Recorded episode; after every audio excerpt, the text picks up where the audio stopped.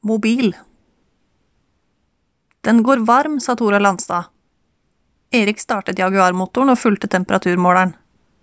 Mellom kaldmarkeringen og det røde feltet ved kokepunktet sto normal i hvit skrift. Nåla klatret sakte oppover, nådde igjen bokstavene, krøp forbi N, forbi O, R, M, A, L og fortsatte mot rødfeltet. Høstløv dalte mot panseret. Det hadde vært stusslig gråvær i over tre uker, og han hadde begynt å fyre i vedovnen oppe. Bare én gang hadde det tatt i skikkelig og regnet to dager i strekk, men ellers hadde dalen ligget under en svart himmel som dryppet litt nå og da, og som av og til sendte ut et raskt solgløtt, som om den ville minne folk på hva de gikk glipp av. I verkstedet satte Erik avtrekk på eksoshalene. Den tolvsylindrede motoren var et mylder av slanger og rør. Han brukte en halvtime bare på å finne ut hvilke som tilhørte kjølesystemet. Drenerte brunlig slagg fra radiatoren, fylte frisk kjølevæske og startet motoren igjen. Nåla klatret mot rødmerkingen som før. Ja vel, tenkte han, vifta er også i orden, da er det helst termostaten. Han fant to av dem i denne motoren, uten at han helt forsto hvorfor. Vi får prøve å koke termostatene, sa han til Tora. Blir du med opp på kjøkkenet? Tora gikk foran opp trappa. Baken hennes fikk fortsatt Levis-merket til å pendle. Hun stilte seg med ryggen til, studerte bokhyllene hans, sa ingenting. Erik satte på kokeplata, la termostaten i en vannkjele sammen med et termometer. Nå får vi se når de åpner seg, sa han. Oftest går bilmotorer varme fordi de åpner seg for sent. Små luftbobler la seg på messingen i termostatene mens varmen steg. Den ene åpnet seg da vannet nådde 82 grader. Den andre fikk bare en glipe selv da vannet fosskokte. Jeg har en ny på delelageret, sa han. Det apoteket ditt har visst en kur for alt, sa hun. Erik fant ikke noe svar, gikk ned til verkstedet igjen. Hun holdt seg taus nå, lenge, og han ble urolig av det. Men kassettradioen på hylla var i ustand, ikke noe selskap å hente i den. Han rotet i skuffen på arbeidsbenken, fant en skitten innspillingskassett som han satte i stereoen på Jaguaren. Etter litt båndsus begynte Neil Young på Heart of Gold. Sangen minte ham om noe, noe med en busstur, men han fikk ikke plassert det. Mens han monterte, stusset han over pakningssementen. Den var helt fersk. Hadde noen montert en ødelagt termostat i bilen, helt nylig? Erik strakte seg, kjente parfymen hennes gjennom verkstedlukta, så på henne. Håret var satt opp. Fin, svart bluse over olabuksa. Høyhælte sko. Tynnkledd for årstida. Nå kunne han se at hun jevnlig trente aerobic eller noe. Tora var som før. Sa ingenting som det var. Ga bare tegn. En halvtime senere startet Erik tolleren. Olje hadde svettet ut av porene på støpegodset og trukket til seg et jevnt, grått lag veistøv. Fra det varme metallet dampet en tynn duft av bensin, iblandet en svak ange av varm motorolje.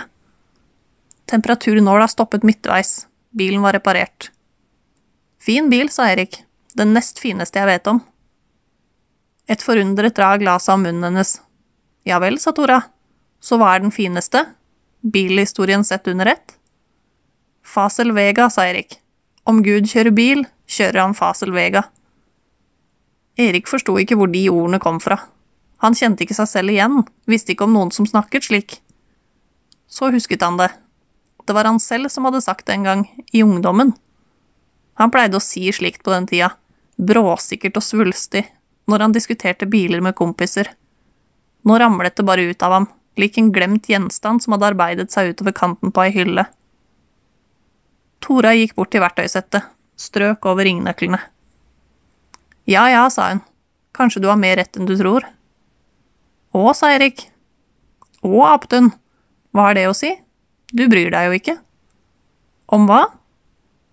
Det vet du godt, du bryr deg ikke om biler lenger. Ikke pirk i det, tenkte Erik og etterstrammet ei slangeklemme. Du står bare her, sa Tora, bom stille ved riksveien, ordne bilene andre opplever noe i. Mobil. Herregud. Tora, sa han og smekket igjen panseret. Si meg, hva er det egentlig du vil? Jeg vil se om du har det bra. Og så? Men herregud, Erik, du må våkne. Se rundt deg, se hvordan du har det. Det er et verksted. Akkurat. Det er umulig å se hvor stasjonen slutter og leiligheten begynner. Jeg ble helt lei meg da jeg så bokhylla di.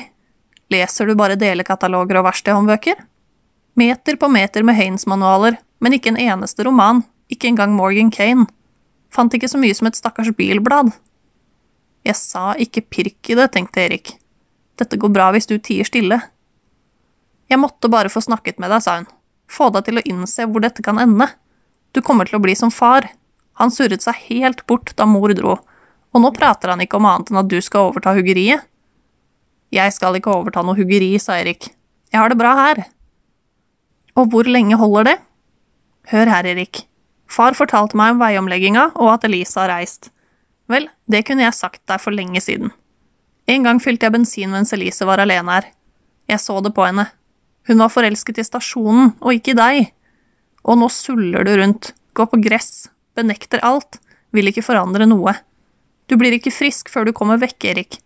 Det sitter noe ekkelt i veggene her som ødelegger deg. Ikke bland deg inn i livet mitt, skrek Erik. Du vet ikke hvordan det står til med Elise og meg. Jeg orker ikke se noe forgå uten grunn. Du blir sånn når du er oppvokst på et billøphuggeri. Spar deg redningsaksjonen, sa han innbitt. Men det var for sent. Han kjente det grave seg opp. Der så han det. Skrømte med det stygge hodet. Skrømte som remjet om at det var noe sant i det hun sa. Og det gjorde mer. Skrømte slapp løs det innestengte spørsmålet som hadde surnet i årevis. Hva var det i henne som hadde valgt Harald Jøtul? Så det er det, sa Erik sakte, merket at den stygge savlingen fra skrømte snart skulle komme fra hans egen munn. Du ville bare ha en prat? Ja, sa Tora, tjukkere i stemmen. Du ville ikke noe mer, sa Erik og hev seg utfor kanten, kastet seg ned i myra som gjorde ham ondskapsfull og hevnsjuk, myra der han for alltid var 16 år og Harald Jøtul og Tora Grundtvig sto på fast mark og skrattet. Er det det du tror, sa Tora, rødflammet i ansiktet. En trenger vel ikke å være forelsket for å ville noen godt? Vanligvis, sa Erik, velger karene biler for å imponere kvinnfolk. Men du, Tora, du setter en ødelagt termostat i en gammel Jaguar for å komme i kontakt med meg, så jeg tror at du prøver på noe mer. Få av den musikken, sa Tora, rev opp bildøra og slo av spilleren. Kan ikke skjønne hvorfor du setter på den kassetten når du er sånn. Du sender doble signaler. Hold deg unna meg, Tora. Jeg var ferdig med deg for 18 år siden. Var du det, Erik Fiksen? Fortell meg det. Jeg var på huggeriet da du hentet den Opel-motoren i sommer. Du gikk rett bort til den røde buken, satt i den et helt kvarter. Det var noe annet, begynte Erik. Jaså, et kvarter? Kom ikke å si annet enn at du tenkte på oss. Så ja, jeg skal innrømme det, Erik. Synet av deg var nok. Nok til at det våknet i meg igjen. For slike ungdomsforelskelser setter seg i blodet og lar seg ikke tynne ut. Ja da, jeg kjøpte dette gamle droget fordi den eneste måten å komme inn på det er med en ødelagt bil. Men du ler ikke på et øyelokk, din avstumpede idiot. Du er helt forstyrret, skrek Erik. Tror du virkelig at en gammel ungdomsforelskelse er noe å bygge videre på? Tora røsket i snora til rulleporten, hev seg i Jaguaren og rygget ut mens porten fortsatt klapret opp, smalt igjen bildøra, stilte seg i lyset som skinte fra porten og utover betongdekket. Det kan da ikke være noe hinder heller, sa Tora. Det kan da i Guds navn ikke være noe hinder. Det du gjorde, var et hinder, sa Erik. Det jeg gjorde, sa Tora. Ja. Når da, sa Tora. Den sommeren, for helvete. Spør heller hva du gjorde. Jeg prøvde hele juli. Du måtte ha det inn med teskje. Jeg måtte be deg om å møte meg ved bilene. Jeg satt i brakka på huggeri og ventet hele kvelden. Herregud, jeg husker det. Jeg hadde tatt solarium før på dagen, satt der og ventet, ventet i time etter time. Du kom ikke. Løgn, brølte Erik. Du holdt på med Harald Jøtul. Vås. Jeg gikk mot sentrum for å se etter deg. Jøtul var den eneste som kjørte rundt, men jeg ble med likevel for å lete. Og du var ikke å se, du fant vel ei kåt jente som klenget seg på deg. Da ga jeg opp og dro nordover, og det samme gjør jeg nå. Orker ikke flere bilvrak, mer dum gubbe på rak kurs mot undergangen. Her i verkstedet kan du reparere hva som helst, Erik, men deg selv får du ikke gjort noe med. Et vindblaff kom bakfra og hyllet inn Jaguaren i fuktig, grå eksos. Tora Landstad forsvant mot sentrum med et rovdyrbrøl fra motoren. Erik fulgte baklysene hennes, sprang ut på riksveien for å få utsikt til avkjøringa mot fjellet. Med bil gjør du ett av to, tenkte han. Du drar vekk, eller du kommer hjem. Og Tora gjør begge deler. Jeg har tatt feil hele tida. Alt hadde vært annerledes om jeg hadde grepet sjansen da den var der. Alt hadde vært annerledes om jeg hadde grepet sjansen da sjansen kom tilbake. Ved avkjøringa etter sentrum fikk han se baklysen igjen. Et svakt rødt skinn på den slake stigningen mot fjellovergangen. Litt etter var lysene fra Jaguaren slukt av mørket.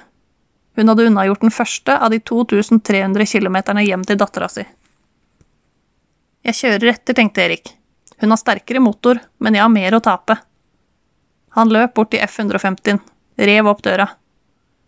Men da han tok i tenningsnøkkelen på yrkesbilen, satt Erik Fyksen ved siden av ham og spurte hvor han hadde tenkt seg, og han kom til å tenke på at kassetten med Heart of Gold satt inn i spilleren i Jaguaren. Kanskje fant han den igjen oppe på fjellovergangen, knust av hjulene hennes.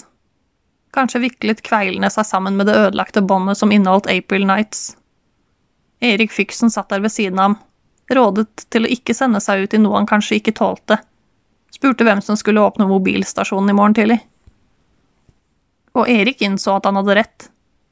Eneste skadebot mot sjanser som glapp, var å bli enda mer den Erik Fyksen som tålte at sjanser glapp. Han lot det hardne til enda mer. Snart var den Erik som håpet på noe annet enn mobilstasjonen, svakere. Snart hadde Tora Grundtvig og Tora Landstad knapt eksistert. Han steg ned fra F-150 uten å ha startet den, begynte å rydde i verkstedet. Men samme hvor nøye han satte verktøyet på plass, sluttet spørsmålet Erik hadde svart på før han forsvant, aldri helt å brenne. Gjør det noen forskjell om det som en gang var tapt for godt, blir borte for alltid?